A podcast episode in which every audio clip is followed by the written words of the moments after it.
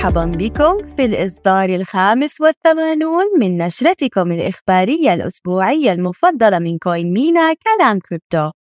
هذا الأسبوع تواجه Binance المزيد من المشاكل مع تخلي الشركاء عنهم واتهام مطوري منصة الخصوصية Tornado Cash بغسل الأموال وتكشف تحركات سلطنة عمان الداعمة للبيتكوين عن فهم عميق للعملة الرقمية الأولى. وهل أصبحت روبن هود الآن ثالث أكبر مالك للبيتكوين؟ كل هذا وأكثر لذلك دعونا نبدأ في نشرة هذا الأسبوع من كلام كريبتو. أخبار عالمية. قطعت Visa و Mastercard العلاقات مع Binance. تستمر علاقات Binance في التدهور وهم يواجهون الآن اتهامات متعددة من قبل هيئة الأوراق المالية والبورصات الأمريكية بما في ذلك مزاعم تفيد بأن المنصة كانت تدير أعمالا غير مسجلة وضللت المستثمرين بشأن مخاطر الشركة. هذا بالإضافة إلى اتهامات وجهتها لجنة تداول السلع الآجلة الأمريكية ضد المنصة في شهر مايو الماضي بسبب ما تسميه التهرب المتعمد من القانون الأمريكي. والآن يتراجع العديد من الشركاء البارزين عن شراكاتهم مع Binance في سابقة خطيرة القبض على مطوري Tornado Cash. اتهمت وزارة العدل الأمريكية مؤسسي Tornado Cash بغسل الأموال. تتيح منصة Tornado Cash معاملات الكريبتو مع إخفاء الهوية. جاء في الدعوى أن المطورين كانوا على علم باستخدامات المنصة غير المشروعة ومع ذلك يشتبه في أن 7% فقط من حجم أموال تورنيدو كاش غير مشروع. تكمن المشكلة في أن المطورين قد كتبوا التعليمات البرمجية للتو ثم نشروها كعقد ذكي على السلسلة. ومن الناحية الفنية فليس لديهم أي وسيلة للتحكم في من يستخدم منصتهم. وشأنها شأن جميع المنصات يمكن استخدامها للخير أو للشر.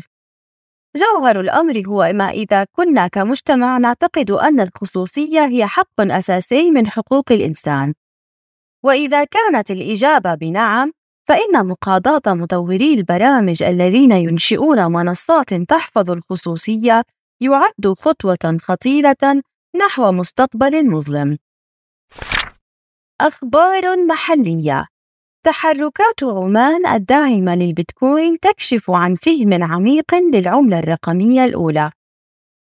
حظيت أخبار إطلاق منشأة تعديل للبيتكوين في سلطنة عمان بقيمة 1.1 مليار دولار بإشادة واسعة النطاق باعتبارها خطوة تقدمية من قبل السلطنة. والأكثر إثارة للإعجاب كانت تصريحاتهم التي أظهرت فهمًا عميقًا لخصائص البيتكوين الفريدة. أولاً، فهم مدركون أن تعدين البيتكوين يمكن أن يساعد في استقرار شبكة الكهرباء ويكون بمثابة موازن للأحمال على شبكات الطاقة. وثانياً، يوضح هذا أنهم مدركون أن خصائص البيتكوين لا تسمح بالربا مما يجعلها تتوافق مع الشريعة الإسلامية. خلي عينك على هل أصبحت منصة روبن هود ثالث أكبر مالك للبيتكوين؟ جمعت محفظة غامضة 118 ألف بيتكوين أي ما يعادل 3 مليار دولار خلال الأشهر الثلاثة الماضية لتصبح ثالث أكبر محفظة للبيتكوين في العالم.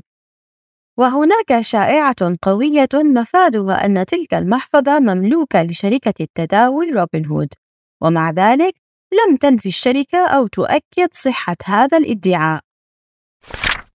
درس الأسبوع مختارات من جامعة CoinMENA أطلقنا منصتنا التعليمية المجانية جامعة CoinMENA لأننا نعتبر نشر الوعي حول الكريبتو أحد الركائز الأساسية التي تؤمن بها منصة كوين مينا. سنقوم في كل أسبوع باختيار مقال لكي يتسنى لك قراءته والاطلاع عليه. نأمل أن تجد هذه الفقرة الجديدة مفيدة لك.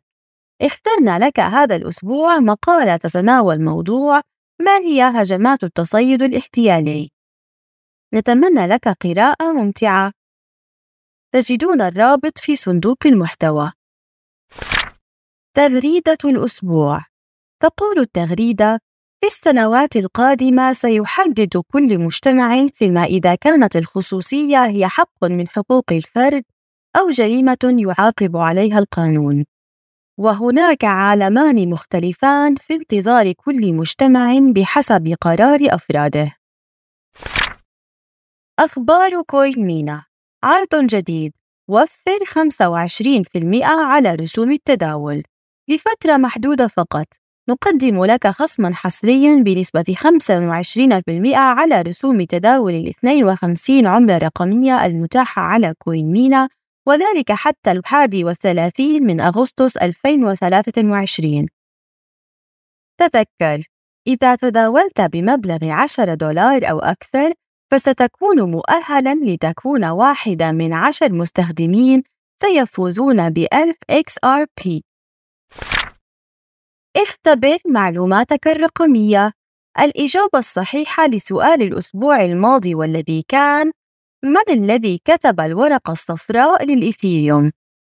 هو دكتور جافن وود أما سؤال الأسبوع هو ما المصطلح الذي يصف عملية تحويل النص العادي إلى نص مشفر غير قابل للقراءة لتأمين الاتصال؟ هل تسمى فك التشفير أم الترميز أم التجزيء أم التشفير؟ تجدون الإجابة الصحيحة في النشرة الإخبارية القادمة أو تفضلوا بزيارة موقع جامعة CoinMENA وتجدون الرابط في صندوق المحتوى. وأخيرا وليس آخرا كان هذا كل ما لدينا في نشرة هذا الأسبوع. ترقبوا المزيد من المواضيع حول العملات الرقمية والبلوكتشين. ولا تنسوا مشاركة هذه النشرة مع أصدقائكم وعائلتكم ومتابعتنا على مواقع التواصل الاجتماعي.